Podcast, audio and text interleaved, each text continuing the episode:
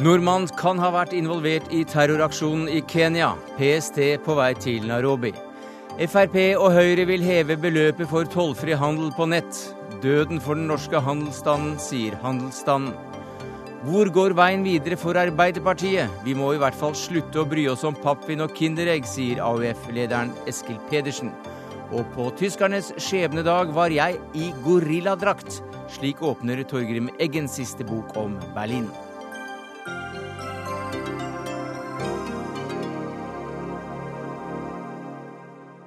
Ja, Det er noen av sakene i Dagsnytt 18 denne torsdagen, der vi også feirer at en canadisk folkesky og folkekjær forfatter får nobelprisen i litteratur. Men aller først i sendinga til meldingen om at en norsk statsborger skal ha vært involvert i terrorangrepet i Nairobi 21.9. Minst 67 mennesker mistet livet i angrepet. Og hva mer vet vi enn dette, reporter her i NRK, Olav Døvik? Vi vet at eh, PST da i etterkant av dette terrorangrepet har fått flere opplysninger som eh, tyder på at eh, en navngitt norsk statsborger deltok i dette angrepet, og han skal også ha deltatt i planleggingen. Derfor så startet de denne uka etterforskning av denne saken. Ja, hva slags opplysninger er det PST har fått? Det vil de ikke si så veldig mye om, men de sier at det er flere opplysninger, og at de er ganske sikre på at uh, her har eh, denne norske statsborgeren uh, en eller annen form for, vært involvert på en eller annen måte. På hvilken måte? Vet vi noe om det? Ja, De sier at de tror han kan ha vært med på selve terrorhandlingen, altså at han var inne i kjøpesenteret. Og identiteten er kjent? De har ikke ønsket å si noe om identiteten til denne mannen. Det, Men PST vet, vet det? PST vet det. Det er en navngitt mann de leter etter, eh, eller skal etterforske. Eh, det vi vet, er at han er i, eh, skal være i 20-årene. At han skal være oppvokst i Norge, og at det er en mann. Hva gjør PST nå? De har sendt to etterforskere til Nairobi for å hjelpe kenyanske myndigheter med etterforskningen. I tillegg så etterforsker de også her i Norge. Takk skal du ha, reporter i NRK Olav Døvik. PST hadde ikke anledning til å være med oss eh, her i kveld, men det hadde du, eh, Stig Jarle Hansen, førsteamanuensis ved Universitetet for miljø og biovitenskap. Nå er det ikke så mange timene siden eh, denne nyheten eller meldingen kom, og derfor er det relativt tidlig da, å si noe om den pågående etterforskningen etc. Men hva sier disse opplysningene deg? Det er vært kjent eh, gjennom også medieoppslag at det har vært eh, prominente skjebobber fra, fra, Norge og også fra Skandinavia. Danmark fikk sin første selvmordsbomber i Shebab, en dansk statsborger. Eh, den nåværende tilsvarende justisminister i Shebab er en tidligere svensk imam fra Rinkeby. Så det har vært et sterkt eh, skandinavisk innslag i, i Shebab tidligere.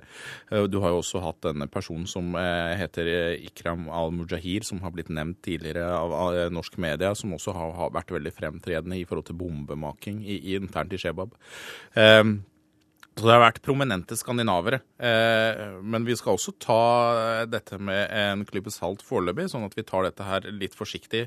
For det, nå er det en pågående etterforskning i Kenya, og resultatene fra den etterforskningen har ikke kommet ennå. Og eh, kenyanerne også har tidligere vært kjent, hvis disse opplysningene kommer fra Kenya, så har tidligere vært kjent for å ta eh, terrormistenkte til eh, rettssak og tape veldig mange av disse rettssakene. Så vi får se. Og selvfølgelig har PST en utfordring når de må samarbeide med kenyanerne. Det er veldig viktig at de samarbeider med kenyanerne. Men eh, kenyanerne har jo selvfølgelig eh, flere utfordringer i forhold til deres eh, politi også, i og forhold til å, etterforske terror. Hvis vi, hvis vi holder litt fast ved denne nordmannen som også skal ha vært med i selve angrepet. Skal han ha kommet seg unna? Ja, det kan godt være mulig. Eh, det kan godt eh, Det ble jo snakket om en gang som gikk ut fra Westgate. Det er én mulighet.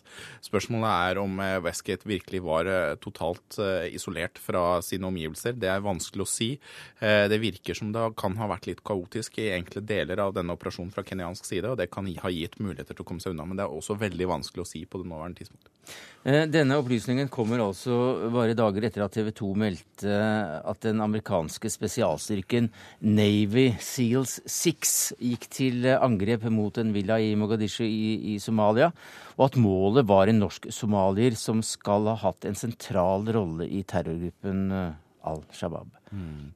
Og det var denne al-Mujahir Eh, han er eh, veldig kjent. Eh, folk har vært klar over at han eksisterte. Veldig mange av opplysningene om han kommer ut fra den danske avhopperen og dobbeltagenten Morten Storm. Han har vært veldig prominent. Han har publisert bombeomskrifter i det kjente Al Qaida-relaterte tidsskriftet Inspire. Eh, også vært eh, i Jemen. Så denne personen vet vi mye om. Eh, det som er litt usikkert, er hvor lenge han har vært i Norge. Morten Storm sier at han kan veldig godt norsk, men det som er usikkert, er reelt sett hvor lenge han har vært i Norge. Så er da spørsmålet uh, om han kom seg unna.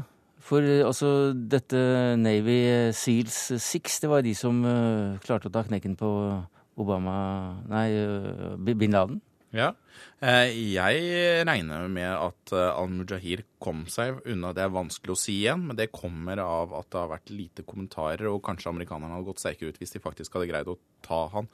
Eh, men igjen så er dette vanskelig å si. Men vi skal også huske på at dette var en veldig viktig propagandaoperasjon for amerikanerne. Selv om eh, man ikke greide å ta noen av disse høystående medlemmene, så viste man på en måte at man agerte. Eh, dette er selvfølgelig overfor kenyansk opinion også, at man viser at man støtter en alliert i forhold til Shebab. Man viser at man gjør noe. Og det var heldig, et heldig sammenfall i forhold til østafrikansk opinion at man tok al-Libi i Libya, siden da al-Libi hadde vært involvert i den tidligere største terrorhandlingen i kenyansk historie, ambassadeangrepene mm. i 1998. Så her viser amerikanerne at man gjør noe. Man viser Shebab-ledelsen at det koster Shebab å eh, gjøre ting utenfor eh, Somalia. Man viser kenyanerne at man handler mot eh, terrorisme i Øst-Afrika. Så USA er involvert i kampen mot terrorledere og terrorisme i området. Kenya selvfølgelig er det andre land? Absolutt. Og det, USA har vært involvert siden 11.9. Ikke noe tvil om det. Storbritannia er involvert. Du kan også regne med at etiopisk etterretning er veldig interessert i det som foregår internt i Somalia. Og og eh, Jemen har også veldig sterke interesser, siden eh, en av de største kategoriene med utenlandske jihadister som slåss i Jemen, faktisk kom fra Somalia. Så dette er eh, parter som er interesserte. Men vi skal ikke glemme at både etiopierne, kenyanerne og jemenittene har sine egne agendaer, som de også følger, og som de også vil agere etter. Og det er noe PST selvfølgelig må ta med i beregningen når de etterforsker. Og de agendaene de følger kanskje ikke akkurat de samme mønstre som Absolutt ikke egne selvstendige interesser. Men uh, videre nå, da. Uh, det er også muligens en, en nordmann uh, involvert i, i den grusomme terrorhandlingen. Hvilke følger kan det få? Um, jeg håper at Eh, vi greier klart å formidle, også fra forskningssiden, at mm. Eh, det er ingen stor støtte blant eh, norsk-somalierne til Shebab. At dette, denne støtten har gått nedover da, siden en periode, en sår periode i 2007-2008, hvor man så på Shebab som en form for motstandsbevegelse. Men etter hvert så avslørte Shebab sin agenda ganske tydelig. Og dette snudde rundt et selvmordsangrep i 2009, og etter det så har det blitt veldig lite støtte til disse miljøene i, i Norge. Og det er noe vi må ha med oss, sånn at vi ikke stereotypiserer håndterer miljøer i Norge. Eh, vi skal på den annen side ikke underdrive Shebab. Shebab er der. Shebab er i stand til å gjennomføre store operasjoner utenfor Somalia. De vil nok eh, fokusere på disse som eh, setter inn styrker i Somalia, men det kan godt hende at det kommer til å bli vestlige statsborgere involvert i eh, disse målene som Shebab vil angripe utover i framtiden. Takk skal du ha, Stig Jarle Hansen, førsteamanuensis ved Universitetet for miljø- og biovitenskap. Hør Dagsnytt 18 når du vil på nettradio eller som podkast. nrk.no – dagsnytt 18.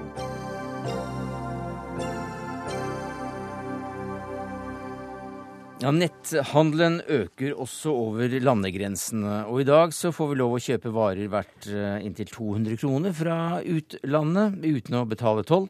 Men nå varsler Frp og Høyre at de vil øke denne grensen eh, til 1000 kroner. Men dette liker du dårlig som direktør for samfunnspolitikk i Virke. Hvorfor det? Ja, først og fremst vil jeg jo gratulere da regjeringen med en ny og spennende plattform. Her er det mange gjennomslag for Virke, og vi er jo særlig glad for at de har så høye ambisjoner på forenklingsområdet. Men denne saken handler dessverre ikke om forenkling, den handler om forverring av rammebetingelsene for Norges desidert største arbeidsplass, varehandelen. For når de hever denne 200-kronersgrensen, altså at det gir da utenlandske nettbutikker momsfritak i langt større grad enn i dag, ja, så kommer vi til å se en eksplosjonsart av vekst i nordmenns handel i utlandet utenlandske nettbutikker. Og hva vil det føre og det kommer du, til å føre til tap av tusenvis, ja sågar titusenvis av norske arbeidsplasser, og tap av milliarder i skatteinntekter Ja, hvordan vil du karakterisere konsekvensene? Ja, Det er dramatiske, enorme konsekvenser for norsk varehandel. Som sagt Norges største arbeidsplass. Er det en villet politikk da, Arve Kambe? Du er tidligere avgiftspolitisk talsmann i Høyre, nå kun stortingspolitiker enn så lenge. Det som er viktig for oss, det er at eh, Frp og Høyre-regjeringen i Sundvolden-erklæringen sier at vi vil øke beløpet fra 200 kroner. Det er beløp som har eh, stått helt stille på kroner, 200 kroner siden 1975. Vi føler at eh, er, nå skal vi gjøre Norge litt enklere. Da har det både for næringslivet og virkes med medlemsbedrifter, men òg for forbrukerne. Det er altså sånn at det å Tollbehandling i dag det tar mye tid eh, for staten eh, via Toll- og avgiftsdirektoratet. Det tar mye tid for Posten, og det tar mye tid for forbrukere som følger ut en hel rekke med skjemaer. Så vi tror at eh, det å finne et bedre balansepunkt enn de 200 kronene i dag, det er det rom for å gjøre, uten at det skal på bekostning av norske bedrifter. Det får vi et enklere Norge, et mer forbrukervennlig Norge og et mindre byråkratisk Norge. Anders? Ja, Hvis man ønsker å forenkle, og det ønsker man jo ellers, så bør man heller se på hvordan man skal gjøre det enklere og billigere for norske forbruker å betale momsen. Og så bør man heller sette denne grensen ned, og gjerne til null, slik man f.eks. har det i Sverige. Jeg både Høyre, Frp og regjeringen vil ha en god dialog med både Virke, Detaljhandel Norge og andre hvordan vi skal gjøre det. Det er ikke mer enn et par år siden det ble innført moms på, på tjenester, altså på nedlasting av spill og film. Da er det altså sånn at da er det den utenlandske aktøren som, eh, som fakturerer kunden for moms, og så betaler den eh, til Er det, norske en, staten. er det en god Det parallell, finnes- Andersen? Et øyeblikk. Nei, Det er ikke en parallell i det hele tatt. Han Arve Kambo også da viser til at denne 200-kronersgrensen den har historie tilbake til 1975. Og klart I et sånt perspektiv så kan man lett da kommunisere dette som en, som en forenkling. Vi kan ikke ha grenser som står på stedet hvil i, i, i, i 40 år. Men i 1975 så hadde vi ikke netthandel. Eh, Det har vi i dag, og netthandelen har eksplodert de siste årene. Og bare i år så kommer nordmenn til å netthandle i utenlandske nettbutikker for 10 milliarder kroner. Det tilsvarer tap av 5000 norske eh, arbeidsplasser. Så dette er svært. Dette er svært, og det er også dramatiske konsekvenser og nedleggelser av en haug med arbeidsplasser i Norge. Er det en villet politikk, det, Kambe? Da tror jeg rett og slett man tar et feil utgangspunkt. Eh, I dag er grensa 200 kroner. Eh, Mye av det som kjøpes av nettbutikker er langt over det, eh, og dermed så betales man disse avgiftene. Så Det som for, for oss er viktig, rundt 300 000 eh, transaksjoner gjøres årlig i intervallet mellom 200 kroner og 1000 kroner. Vi har sagt at vi vil ha en skånsom økning av dette. Og hvor mye det blir, det er det opp til det enkelte statsbudsjett å gjøre. Regjeringen skal foreslå det, og Stortinget skal til slutt vedta det. Men du nevnte at, at for, for en regjering med Høyre og Frp, så vil vi ha et godt samarbeid med næringslivet og småbedriftene. For de som driver med netthandel i dag, det er distriktsarbeidsplasser. Det er gode arbeidsplasser som Norge trenger. Og denne nye regjeringen kommer ikke til å gamble med dem. Arve Kambe, du sitter i vårt studio i Haugesund, men her i studio i Oslo så har jeg også med meg Alexander Arnesen, som eier eh, leketøyskjeden Sprell, med både fysiske butikker, men også da en stor satsing på nettbutikk. Eh, Hva vil det bety for deg hvis man øker grensene for tollfrie varer, f.eks. opp til 1000 kroner? Altså, vi har jo en snitthandel hos oss på ca. 750 kroner på nettet. Eh, 78 av våre eh, handler er under 1000 kroner. Og det som i praksis vil skje, det er jo at våre svenske konkurrenter, våre to viktigste konkurrenter på nettet, er to svenske aktører. De vil kunne selge varene uten moms i Norge, taxfree, mens vi må betale moms. Det er en fordel på ca. 20% som de vil få, i tillegg til at de selvfølgelig har lavere kostnader på personal og mm. mye, annet, mye annet i Sverige. Og konsekvensen for deg? Altså, vi, eh, hvis vi har råd, så pakker vi sammen lager og logistikk og flytter over grensen så fort vi kan. Det vil skje i, med nettbutikken. Når det gjelder de fysiske butikkene vi har, så tror jeg det vil ta litt lengre tid. Men det er klart det vil også ødelegge for, eh, for, for dem. Vi har allerede i dag kunder som kommer inn i butikken med mobiltelefonen sin i hånden og eh, ser på produktene hos oss og kjøper det på nettet. Kambe? Ja, og det er gode argumenter mot at regjeringen ikke må øke eh, summen mm. for mye. Eh, for jeg mener at oppriktig så må vi finne et bedre balansepunkt mellom den summen som har stått på stedet hvil siden 1975, altså på 200 kroner, og et beløp eh, som ivaretar behovet for mindre byråkrati for forbrukerne, mindre byråkrati for bedriftene, men ikke som gambler nettopp med sånne ting som, som representant for denne leketøysbutikken. Men her hører vi også at det, Høyre argumenterer for oss forbrukere, og, og det er ganske ganske mange som, som, faller for. For vi skal jo også tilgodeses her. Jo, men det blir, det blir et for enkelt argument i kampen for forenklingen. For dette blir da en, hva skal vi si, en symbolsk sak for forbrukerne på bekostning av tusenvis av arbeidsplasser og milliarder i skatt, tapte skatteinntekter. Og jeg, jeg, hører jo at Arve Kambe og Høyre og regjeringen inviterer Virke til dialog om dette. Eh, og det sier jeg selvfølgelig takk til, og den invitasjonen tar vi på strak arm. Og jeg er nå rimelig trygg at eh, når vi snakker med den nye regjeringen etter at det har kommet seg inn i regjeringskontorene og har fått møte Finansdepartementet, så er jeg trygg på at dette forslaget blir, blir lagt i skuffen.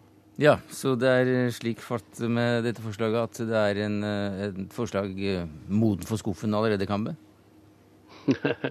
det er klart det har vært eh, ulike syn internt i regjeringspartiene om dette. Ja, For Høyre er ikke så begeistret for forslaget selv, for dere strøk jo det, dette her i, i, i, i, det siste programmet deres. ja, vi gjorde faktisk det. Så dette er FrPs eh, politikk egentlig, så er det du som må svare for det? Dette er i hvert fall blitt en del av den nye regjeringserklæringen. erklæringen, og da står selvfølgelig Høyre like mye bak den som Frp, selv om noen partier har hatt mer gjennomslag i dette enn andre. Men eh, vi er opptatt av at regjeringen skal finne et godt balansepunkt. altså. Eh, og da tror jeg vi skal både lytte til de enkelte historiene som kommer fra enkeltbedrifter, ha en dialog med bransjeorganisasjonene, og så skal vi finne et balansepunkt som ivaretar forbrukernes interesser, behovet for et enklere Norge, men òg den enkelte bedrift. Takk skal du ha. Der du satt i Haugesund, stortingsrepresentant i Høyre, Arve Kambe. Eh, du fikk to mot én her, men eh, de som var her, det var eh, Harald Andersen og Alexander Arnesen. Vi prøvde å få med oss Frp i den saken. De var blitt invitert for å diskutere, men ingen hadde anledning. Takk skal dere ha. Hør Dagsnytt 18 når du vil, på nettradio eller som podkast. nrk.no – dagsnytt 18.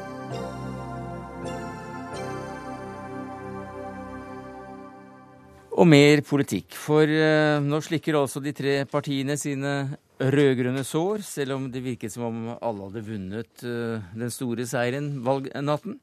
Nå pekes det på veien videre, og for Arbeiderpartiets del så må partiet bl.a. kvitte seg med stempelet som et parti som ønsker å detaljregulere folks liv, mener du som leder av AUF, uh, Eskil Pedersen. På hvilken måte er Ap blitt et forbudsparti?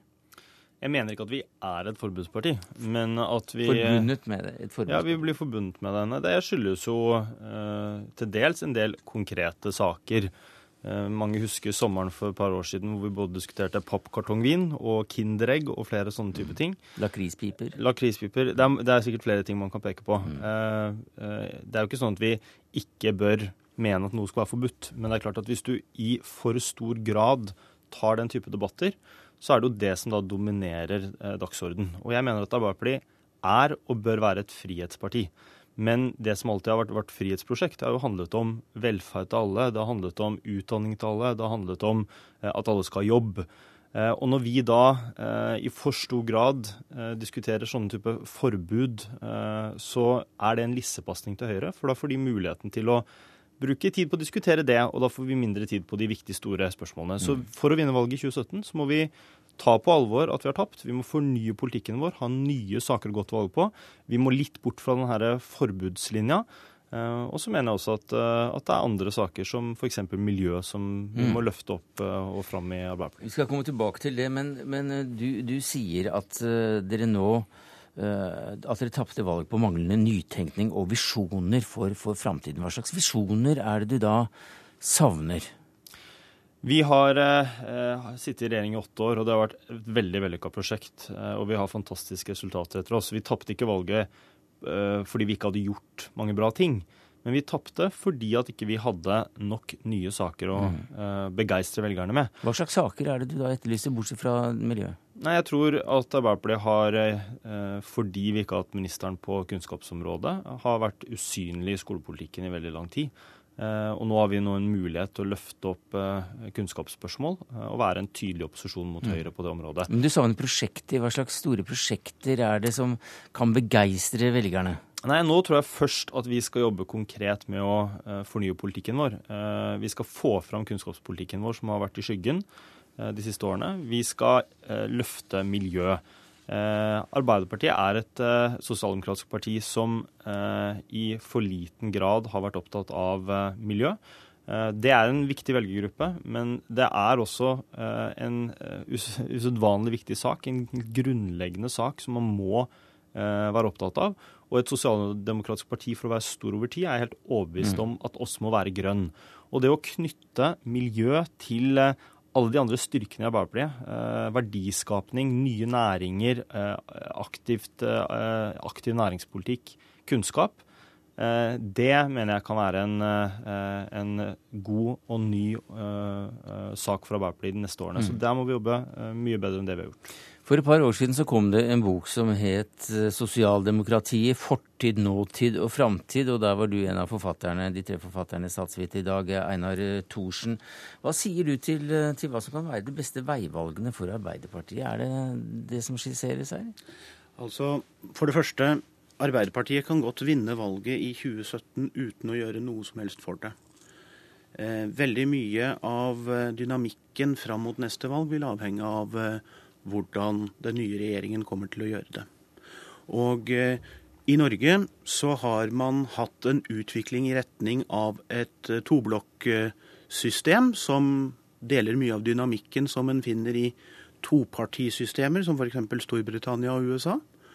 Og hvor veldig mye av det politiske spillet inn mot valgkamper handler om å erobre den velgeren som befinner seg nøyaktig i midten av det politiske landskap. Den som greier å erobre midten, vinner alt. Så da? Så da Altså, eh, det som skjedde i 2005 og 2009, var at eh, de tre rød-grønne partiene greide å være omtrent like store som de fire borgerlige partiene, og vant med det flertall, knapt flertall, knappest mulig flertall, nærmest, på Stortinget, og fikk åtte år i regjering med en relativt liten bevegelse i borgerlig favør, så fikk vi i stedet denne gangen et relativt solid borgerlig flertall på Stortinget.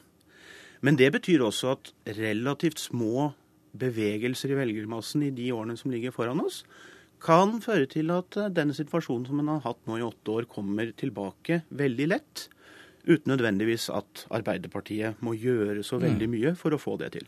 Men hvis du ser internasjonalt, dere har studert europeiske forhold og, og den sosialdemokratiske bevegelsen, eh, ikke minst den, den tyske. Og, og, hva slags eh, fallgrupper er det, er det, for et eh, parti som prøver å reise kjerringa på denne måten? Da?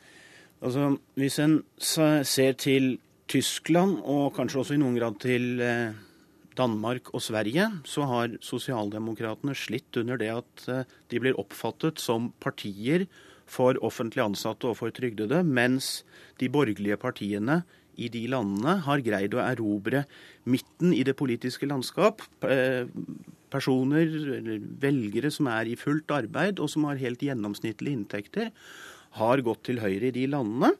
Og eh, de borgerlige partiene oppfattes mm. som partiene for de arbeidende delene av befolkningen. Men er da miljøsaken som, eh, som eh, AUF-lederen vil finslipe, er det en god sak, da? Det er en viktig sak, og jeg tror at det vil være viktig for Arbeiderpartiet å kvitte seg med det verstingsstempelet som det har blant de aller mest miljøbevisste velgerne.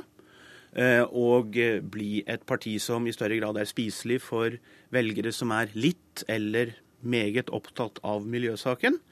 Men det å satse veldig mye på miljøsaken kan være kontraproduktivt, for da går man inn i et politisk rom hvor det allerede finnes tre partier fra før. Altså Arbeiderpartiet kommer jo uh, til å fortsette å være uh, et parti for velferd, for holde orden i økonomien, arbeid til alle, de tingene som er mest gjenkjennelige med Arbeiderpartiet. Men jeg mener at uh, Arbeiderpartiet har også en mulighet til å erobre en del av rommet rundt miljø og miljøvelgerne. Vi så jo, Nå har ikke jeg sett de, liksom, de siste ettervalgsanalysene og tallene, men i hvert fall på meningsmålingene i valgkampen så var det jo eh, oss i stor grad Miljøpartiet De Grønne f.eks. fikk mye av veksten sin fra. Eh, så eh, er det ikke, handler ikke dette bare om taktikk. Jeg mener Det er taktisk riktig av Arbeiderpartiet å bli et grønnere parti. Men det er jo først og fremst riktig politikk. Eh, fordi at vi har akkurat fått en ny rapport fra, fra FNs klimapanel som viser at det nå knapt er noe tvil om at klimaendringene er menneskeskapt, og at det blir mer og mer alvorlige konsekvenser av det. Og da må et sosialdemokratisk parti også eie miljøsaken. fordi det er det som er styrken til Arbeiderpartiet. Det er at vi aldri viker unna de mest grunnleggende utfordringene i samfunnet. Og miljø er det og kommer til å fortsette å bli det. Men hva kommer til å bli det nye full barnehagedekningspolitiske området, makspris? Altså, nå har vi akkurat tatt en tøff valgkamp eh, bak oss. Jo, det er har, du som er eh, ute i avisene og så etterlyser en ny politikk, så det er, det er der vi tar på ordet. Ja, men jeg mener f.eks. at eh, Arbeiderpartiet bør uh, lage en offensiv plan for uh, hva vi skal leve av etter, uh, etter olje- og gasstiden. Det gjør alle. Jo, men Arbeiderpartiet er et parti som på veldig mange områder har politikk som gjør at vi kan lage en veldig troverdig plan. fordi at vi ser at vi har fått en større todeling av eh, norsk økonomi. Eh, og eh, dessverre har Høyre klart å skape et image av i, i denne valgkampen at de er opptatt av hva vi skal leve av i, i framtida. Det bør være Arbeiderpartiet sin sak. Og jeg mener det er fullt mulig at vi kan kombinere forskningspolitikk, kunnskapspolitikk og næringspolitikken vår det er også et kraftfullt eh, svar på, eh, på, miljøutfordringene. Og det er ett eksempel på en sak. Så skal vi løfte kunnskapspolitikken vår, som sagt. Vi har ikke vært unna Kunnskapsdepartementet noen gang siden vi kom i regjering i så lang periode som vi har vært nå, til tross for at vi har sittet i regjering. Og da har den blitt mer usynlig. Nå er det på tide å finpusse den. og Arbeiderpartiet har gode forutsetninger for å vinne i 2017, men vi må fornye politikken på disse områdene. Men du, når du nå skal i gang med ikke bare slikkesårene, men også å se hva som, eh, som rev opp eh, og, og, laget dem, hvordan går, dere, hvordan går dere til verks da? Nå har vi hatt eh, mange gode, ærlige runder internt i sentralstyret, i landsstyret til både AUF og Arbeiderpartiet. og Eh, jeg tror det først begynner med at vi erkjenner at vi faktisk tapte, eh, og at det er ikke et godt nok valgresultat for Arbeiderpartiet. Eh, så kan det godt hende at vi kan bare lene oss tilbake og vinne gjennom fire år. Jeg tror det er et veldig risikabel strategi. Hørtes ganske behagelig, den strategien. ja, din... men jeg tror det er en risikabel strategi. Jeg tror vi må jobbe knallhardt.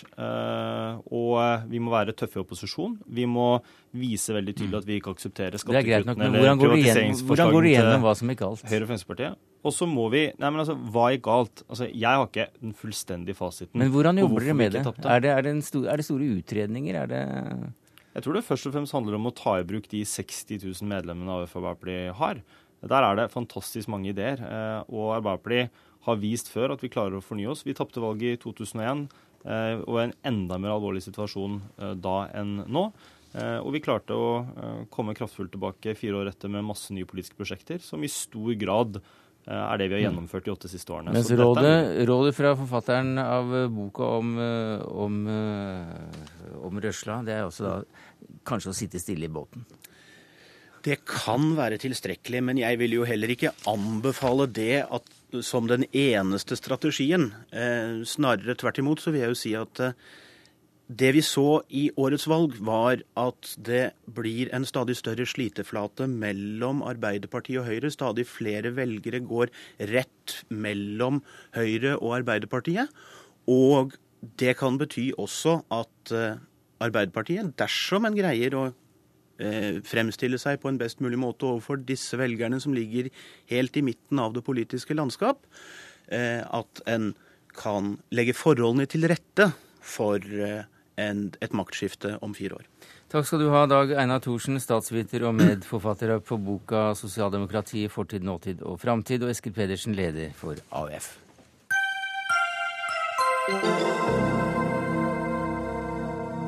Nobelpriset i litteratur år 2013 tildeles den kanadensiske forfatteren Alice Munro. Ja, Hva synes du om dette valget da, Merete Lindstrøm? Jeg syns jo det var utrolig bra. Jeg ble faktisk, Det var et lite jubelrop da hun fikk den prisen. Um, jeg tror ikke jeg var alene om å juble Nei. i dag. Ja, for Hun er så sjelden som en, både en, en, folkekjær og en forfatterkjær eh, forfatter. Ja, det er kanskje akkurat det. Ja. Du er jo en prisbelønnet forfatter selv for bl.a. en rekke novellebøker. Og hun er jo da en stor novelleskriver. Noen mener at hun faktisk er verdens beste. Mm. Hva sier du? Ja, akkurat i dag så må vi være enig i det. det tror jeg vi kan si. Også helt klart hun er eh, Også det at hun har holdt seg så å si helt trofast til eh, novellesjangeren. Eh, selv om noen mener at novellene hennes egentlig er romaner. Det er jo faktisk en diskusjon som pågår om det òg. Men altså novellisten, stornovellisten. Men hva er det du liker ved henne? Jeg kan ikke egentlig si at det er det at hun har et så veldig eksperimentert språk, f.eks. at hun utvider novellesjangeren på den måten, eller at hun eksperimenterer spesifikt. Men likevel så er det altså noe, og jeg lurer på om det er noe med det gjenkjennelige. Eh, når du starter med en um, Alice Munro-novelle, så tenker du i hvert fall at det er en Alice Munro-novelle, men så går hun altså alltid et sted du ikke hadde forventet. Det er alltid noe nytt, og det er helt klart en gjenkjenning i, i det det menneskelige på en eller annen måte. Ehm, første gang jeg leste Alice Munro, var jeg ganske ung. Jeg kunne ikke fordra henne. Jeg synes det, det, det, traff meg ikke i det hele tatt. Ehm, så leste jeg henne igjen som godt voksen, og det var helt topp. Jeg bare tenkte dette her Ja, jeg, mm, jeg likte henne veldig godt. Trude Rønnestad, du er redaktør i Granta og i eh, Gyldendal, som er forlaget til Alice Munro her i, eh, i, Norge. Og du har skrevet en hovedoppgave du, om, eh, om denne forfatteren. og har vel håpet på henne i mange år. Ja, det har jeg. Ja. Eh, hvem er hun? Alice Munro hun er født i en liten by eh, som heter Clinton i Canada i 1931. Aha, 82 år gammel? 82 år gammel, ja. Vokste nok opp i ganske fattige kår. Eh, faren forsøk, forsøkte seg med en revefarm som ikke ble noen suksess. Moren fikk ganske tidlig parkinson. Eh, men Munro var en talentfull, altså hun var flink på skolen, eh, så hun fikk flyttet til storbyen og begynt på universitetet. Men hun debuterte ikke før hun var 37, så hun debuterte først som godt voksen. Og Hva debuterte hun med da? Da debuterte hun med en novellesamling som heter 'Dance of the Happy Shades'. Og siden den gang så har det kommet 15 bøker. Altså Forfatterskapet er 15 bøker alt i alt. Noen hevder at en av de er en roman, men den består av historier som på en måte alle er knyttet sammen. De handler om de samme karakterene, og de er publisert separat som noveller også. Så det er som Merete sier, at hun har vært veldig tro mot novellesjangeren. Mm. Men hva skriver hun om? Ja, hva skriver hun om? Uh, hun skriver jo mye om kvinner, også det området uh, i Canada som hun kommer fra.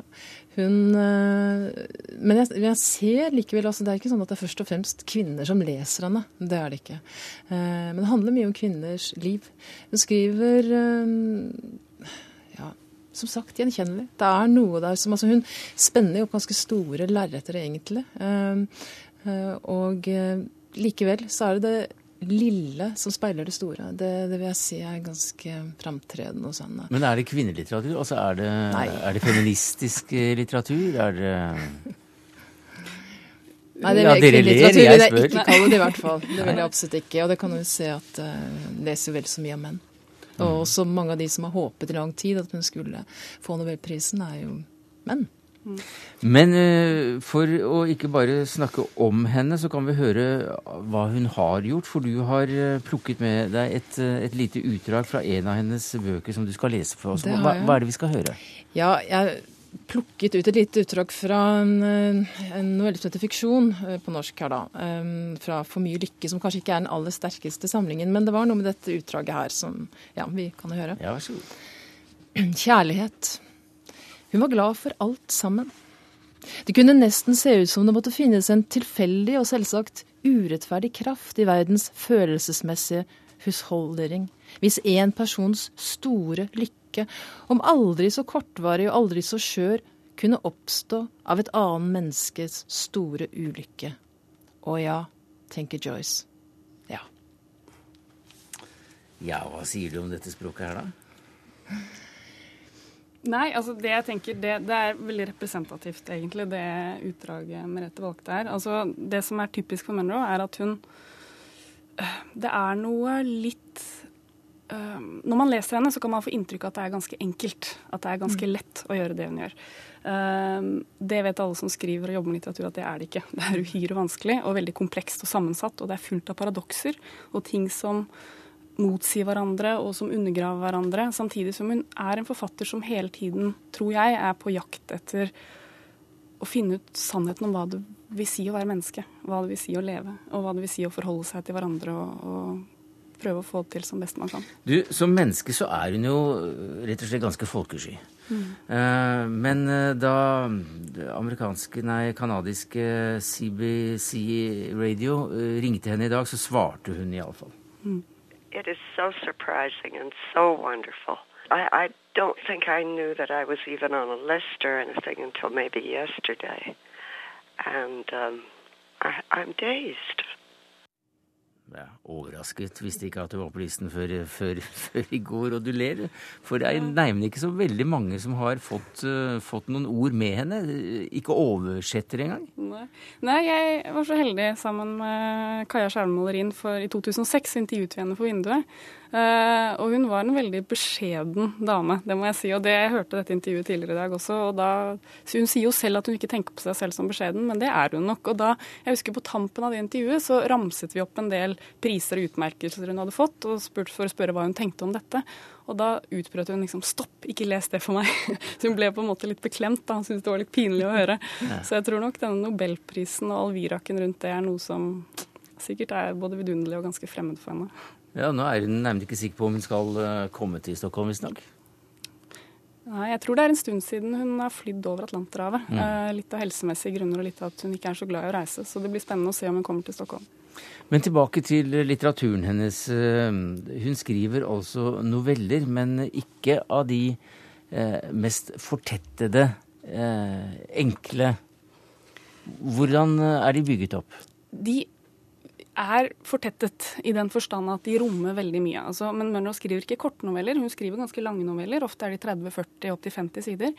Uh, men man får veldig ofte følelsen at de rommer et helt livsløp. Det er det alle sier om Munro, at, at novellene hennes rommer et helt livsløp. Og det rommer så mye som andre forfattere ofte må bruke en roman på å romme. Men når det er sagt, så er de, de er ganske rike og frodige noveller. Altså Hun bruker mange ord. Det er ikke, det er ikke minimalistiske noveller. Det er, det er ikke noveller uh, som Raymond Carver eller Ernest Hemingway eller Kjell Askelsen, for å ta et norsk eksempel. Hun er mer frodig språklig. Mm. altså. Finner mye adjektiver, f.eks. hos Monroe. Ja. Du har jo da skrevet eh, fem, seks, sju, eh, kanskje var det åtte novellesamlinger eh, selv, Lindstrøm. Det er en sjanger som, som på en måte ikke da blir allemannseie med en gang, og det er vel bare en håndfull eller to eller hvor mange er det av nobelprisvinnerne som har fått det? Det er nærmere ikke mange som er novelleskrivere. Eh, hvorfor ikke? Hvorfor de ikke har fått Ja, Hvorfor er ikke dette en, en, så eh, bejublet sjanger som romanen? Så Den er jo det. Den er jo absolutt i forhold til kritikere og, og folk som leser mye litteratur, tror jeg absolutt eh, ser på novellesjangeren som en, en veldig viktig sjanger og en god sjanger. Men Eh, jeg vet ikke akkurat det hvor mye den blir sett, da, så mye oppmerksomhet den sjangeren får. Det er vel et stort spørsmål. Eh, og det er jo stadig sånn at nå slår liksom novellen gjennom. Nå er det novelletid igjen.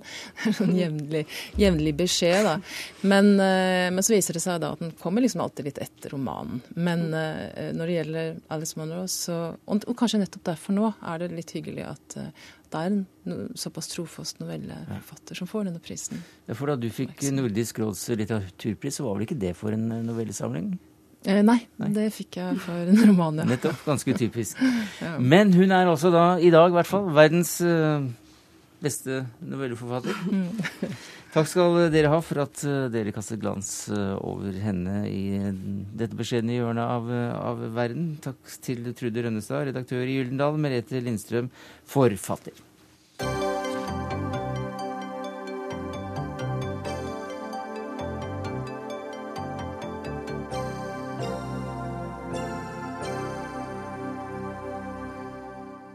Ja, så ble det ikke deg i år heller, Torgrim Eggen. Nei, er det ikke surt? Hvordan hadde det vært å få nobelprisen? Eh, tja eh, Det er jo en del penger, da. Ja, penger, penger, penger trenger man alltid. Men, men eh, det, vil vel, det har vel blitt en veldig debatt om den var fortjent eller ikke, tenker jeg, hvis den hadde gått til veien. Det er uansett fint å ha deg her eh, som forfatter. Eh, Du bruker muligens eh, mye tid eh, til å velge ordene som skal bli bokas eh, første setning, gjør du det? Ja, det gjør man. Ja. Hva, hva Nei, du, jeg, jeg sier dette her nå. Fordi at vi sitter her med den nye boka di om Berlin. Og den første setningen er som følger.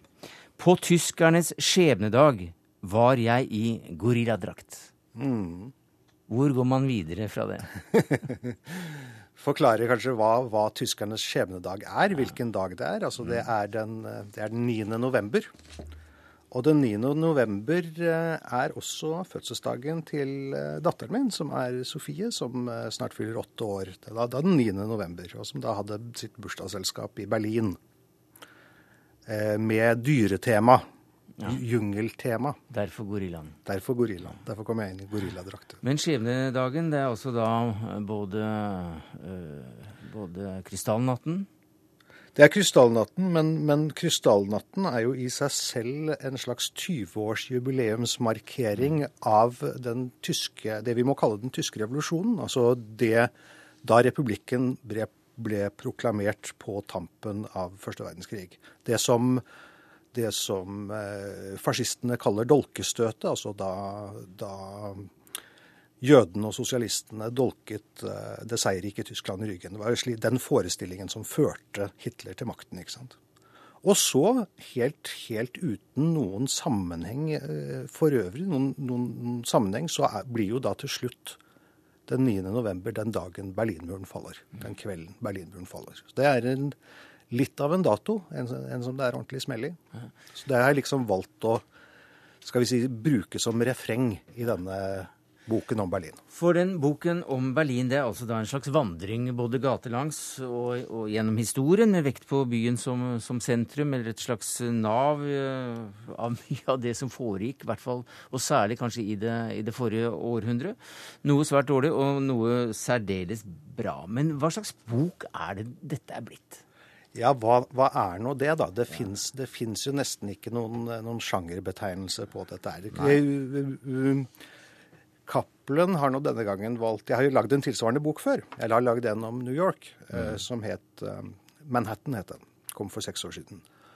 Og Cappelen har nå valgt å klassifisere dette som kulturhistorie. Det mener jeg kanskje er sånn markedsmessig som å binde et anker rundt halsen min og kaste meg ut fra båten. Men det er jo det det er. Det er kulturhistorie. Eller det er et byportrett. Eller det er en form for subjektiv historieskriving. Eh, historieskriving som tar utgangspunkt i, sted, i gater, kvartaler osv. Mm.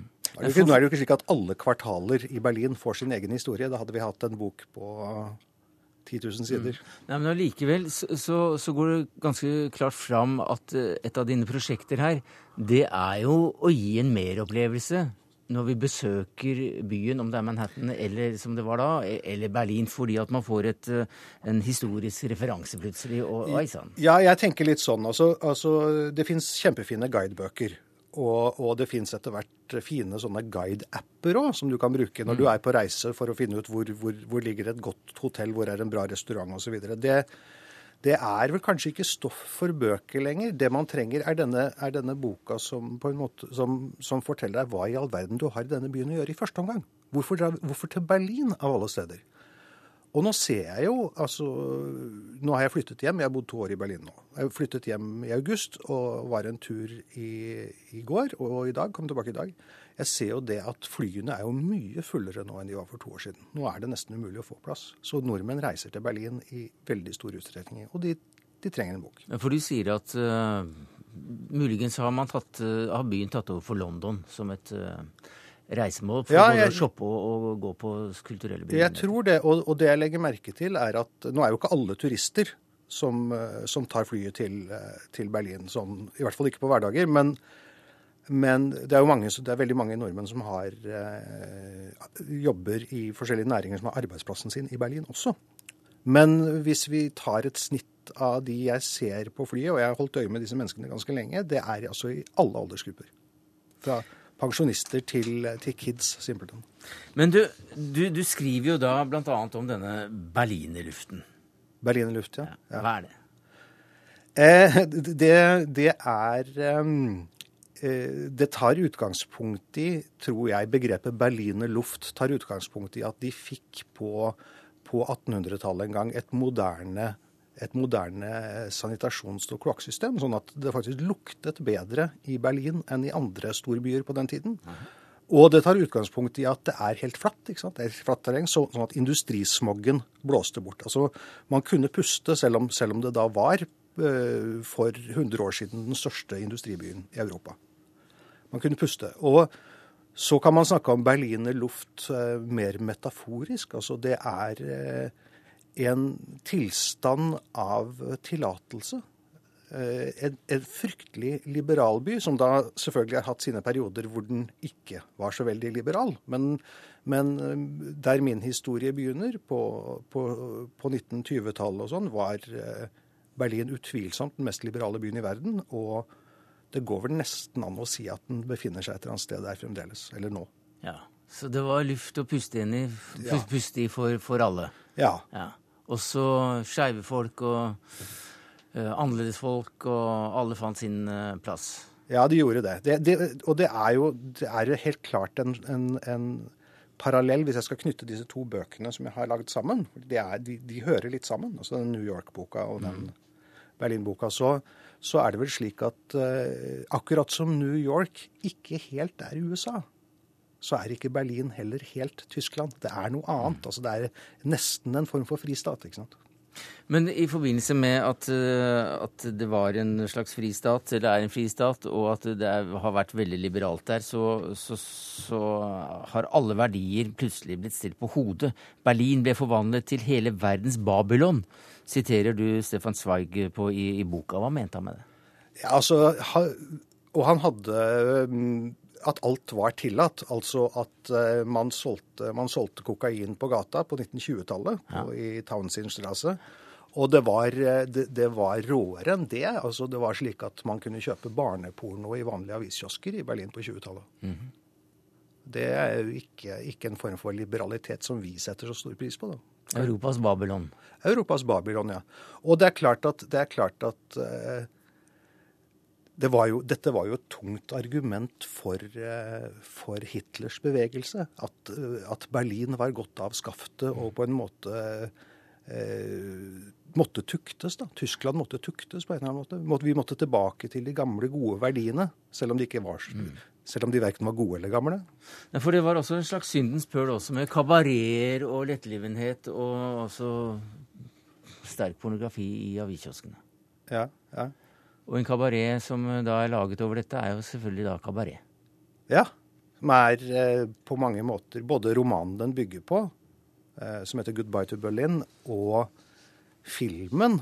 Er, er, det er jo klassikere. Og, det er, og de tegner et eh, forsiktig, men, eh, men, men ganske livlig bilde av Berlin slik det var. Så har du et kapittel om at eh, byen reddet eh, David Bowie. Ja, eh, det er jo blant de som er eh, gode, gamle Bowie-fans, slik jeg var på 70-tallet, og slik jeg på mange måter er fremdeles. Jeg syns dette låter eh, kula ennå, jeg. Så, så er det jo sånn at, at de, for kjennerne så er det akkurat denne Berlin-perioden hans som, som, som de kommer tilbake til hele tiden og syns er mest spennende.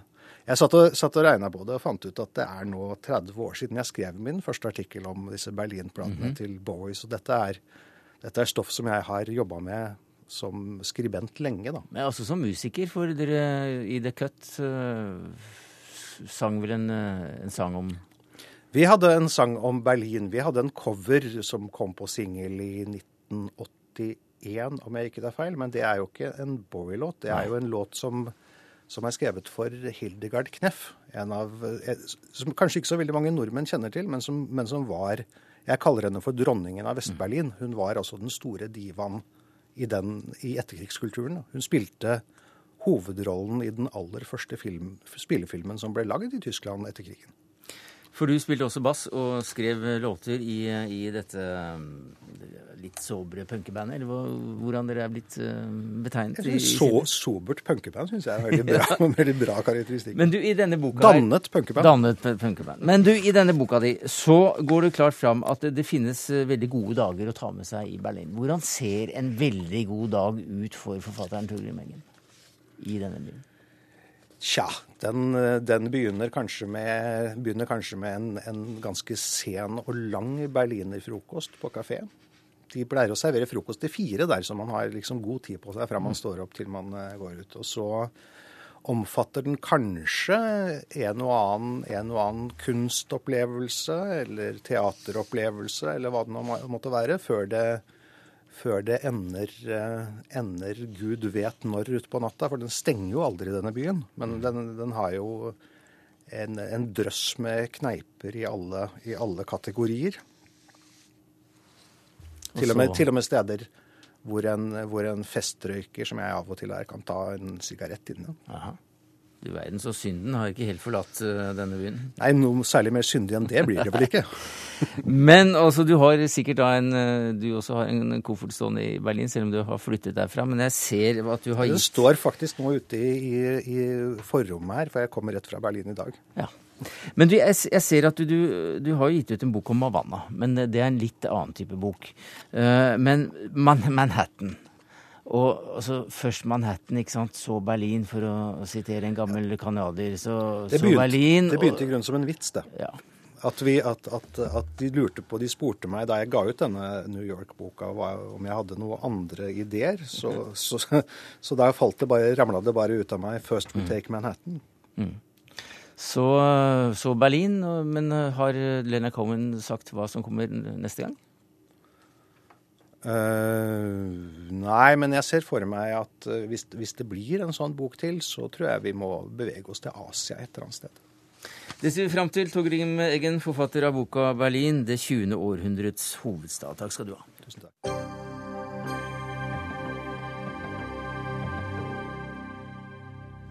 Den påtroppende regjeringen vil fjerne retten du har i dag til å få svar på din egen målform når du henvender deg til eh, offentlige instanser.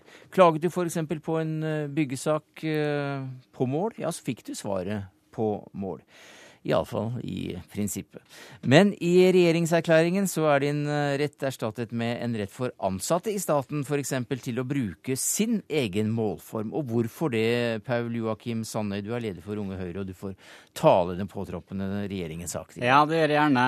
Eh, kravet, det kravet her det er en gammeldags måte å tenke språkpolitikk på. Vi tror at eh, begge målformene kan leve side om side, at vi tåler å lese hverandres målformer. Eh, og jeg kommer jo sjøl fra Møre og Romsdal, der det er masse både nynorskbrukere og bokmålsbrukere som eh, bor rett ved siden av hverandre, og vi forstår hverandre veldig godt. Men hvor, hvorfor tar du bort denne retten? Nei, altså det, det, virker, det, virker, ganske åpenbart for meg at det stjeler tid å enten måtte oversette eh, en eh, tekst eller et svar til en målform man vanligvis ikke bruker, eller eller å måtte skrive svaret på en målform man ikke behersker fullt så godt. Så dette er en del av prosjektet å forenkle byråkratiet? Det er en del av prosjektet med å forenkle, men må, eh, og, og, det hører jo med her også at da dette kravet ble utforma, så var det jo i en helt annen tid. Eh, det var en tid der den kommunikasjonen man hadde med det offentlige, foregikk på med formell post. Eh, mens i dag så foregår det aller meste på mail og mer elektro eh, elektroniske plattformer. Mm. Så tiden har gått litt forbi? Eh, ja, det har det. Dette er rett og slett et litt sånn utdatert krav, og som hindrer, hindrer, det offentlige å gjøre det mest mulig effektivt. Utdatert. Janne Kristin Svartstad Nygård, du er styremedlem i Norges Smålag. Mm. Ja, Vi syns det er veldig alvorlig at den nye regjeringa eh, vil endre på prinsipp i dagens mållov, som gjør at det blir opp til enkeltpersoner å bestemme statens språkpolitikk. Og så vil jeg bare si det at det er en veldig moderne måte å drive språkpolitikk på. Eh, de fleste land i verden i dag som innfører språkloven nå, som regulerer eh, ja, forholdet mellom to eller flere språk, det har dette som et prinsipp. at, man, at staten f.eks. må svare på den Ja, og det er veldig god EU-politikk òg. De vil jo eh, Altså i alle sånne minoritetsspråkskonvensjoner og sånn, så ja. Eh, peker de på at dette er et godt tiltak. Men du hører at tiden har løpt fra dette her? Ja, jeg skjønner ikke helt hva som eh, Sist jeg sjekka, så var jo òg e-post et skriftlig kommunikasjonsmiddel. Eh, så det at en har gått over til e-post og sender ting elektronisk, eh, det har jo ikke noe mm. å si for eh, hva språk en skriver. Det er helt riktig. Poenget mitt var bare at ting går litt raskere, og kommunikasjon foregår på en annen måte. Men så tror jeg det er viktig at når man henvender seg til, det offentlige, så er det jo for å få svar på, som du var inne på, f.eks. en byggesøknad eller en søknad om bevilgning eller den type ting. Og da er det det du ønsker svar på, ikke en innføring i norsk språkhistorie. Og jeg tror at, altså Et eksempel da jeg ble unge e-leder, så søkte jeg permisjon fra studiene. Da var jo jeg mest interessert i å få vite om jeg fikk eh, permisjon fra studiene eller ikke, raskt. Ikke i at det, jeg bryr meg ikke om det kom på nynorsk eller bokmål. Mm. Og sånn tror jeg det er for veldig mange andre også. At det viktigste er at det kommer raskt, at det kommer presist. Eh, og det vil dette forslaget hjelpe med. Ja, altså Nå tar det jo ikke meg lenger til å skrive en tekst for bokmål enn det gjør på nynorsk, så jeg skjønner ikke helt eh, den argumentasjonen. Men vil bare si nå at uh, i regjeringsplattformen så står det òg at tilsatte i staten, altså ifølge Høyre sin nye politikk, og i kommunene, i språknøytrale kommuner, skal få skrive det språket de vil. Men det er jo faktisk sånn at det de som er tilsatt i kommunene skriver, det er jo ikke regulert i mållova i dag. Så i dag så kan jo folk som jobber i kommunene, svare på søknader, skrive på det språket det språket de vil. Den eneste kommunen som jeg vet om eh, er den eh, høyrestyrte språknøytrale kommunen Oslo, som har et vedtak om at alle ansatte kun har lov til å skrive på bokmål. Så jeg skjønner ikke helt den Nei. men, men det jeg ikke skjønner helt, det er hvorfor dette er så viktig. Det handler jo om hva språkpolitikk staten, staten skal ha. Hvem er det staten jobber for? Jo, det er jo for oss innbyggerne.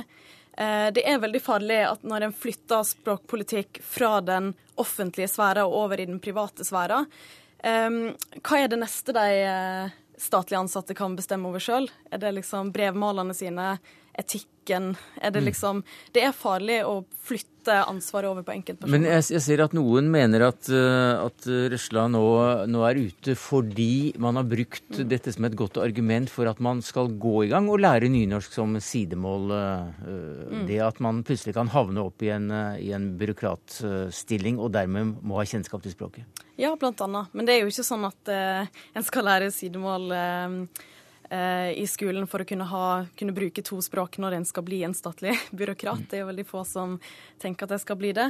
Men nå er det jo sånn at nynorsken er faktisk mindre brukt språk i eh, Norge. Og en trenger et større rettsvern, sterkere rettsvern og gode rammevilkår for å kunne være et reelt alternativ, f.eks. For, for meg som mm. kan tenke meg å skrive nynorsk som eh, voksen. Og da vet alle som arbeider med språk og språkutvikling, at en må ha det på plass. Og når var det egentlig greit at den sterkeste skal vinne? Altså, jeg er helt enig i at eh, det offentlige skal være til for innbyggerne, og ikke motsatt. Men dersom det offentlige skal være det, så må vi ha en effektiv forvaltning. Og i en perfekt verden så er det sikkert ikke eh, Altså, Da er det sikkert sånn at alle saksbehandlere kan alle målformer like godt, men sånn er det dessverre ikke, og sånn kommer det dessverre ikke til å bli. Og det må vi tegne over oss. Ja, nei, jeg skjønner ikke helt uh, Når ble det at det er lite eh, Altså den type frihet som du snakker om, eh, som den enkelte da skal få. Altså sånn, jeg, eh, Når jeg henvender meg til staten, så vil jeg at staten skal gjøre den jobben som den er satt til å gjøre, og svare meg på det språket jeg vil at staten skal skrive, uavhengig av hva den personen som sitter akkurat i den stillinga, føler rundt norsk språkhistorie og hva en eventuelt har vært sterk eller svak til eh, på, eh, på skolen. Mm. Mens det viktigste for meg er at de får eh, raskt og presist svar. Og noe av det mest irriterende man opplever når man er i kommunikasjon med det offentlige, er jo dersom det er tvetydigheter i språket f.eks. Og den type ting. Da tror jeg det er best at at man får lov å svare på den målformen man behersker best. Dessuten så må vi også huske på at eh, elever med innvandrerbakgrunn har jo vært unntatt eh, sidemålsopplæringa ganske lenge. Eh, men man har jo ikke unntatt dem. Altså, De skal jo likevel få lov til å søke jobb i det offentlige som saksbehandler. Så det er allerede eh, en slags uthuling av denne regelen som også bidrar til å gjøre den eh, umoderne. Det var de siste ordene som eh, ble sagt i denne sendinga av Dagsnytt 18 omtrent. Takket være deg, Paul Joakim Sandøy, leder i Unge Høyre, Janne Kristin Svarstad Nygaard, styremedlem i Noregs Mållag. Dagsnytt 18 er slutt. Ansvarlig for det hele var Dag Dørum. Det tekniske ansvaret hadde Karl Johan Rimstad. Jeg heter Sverre Tom Radøy.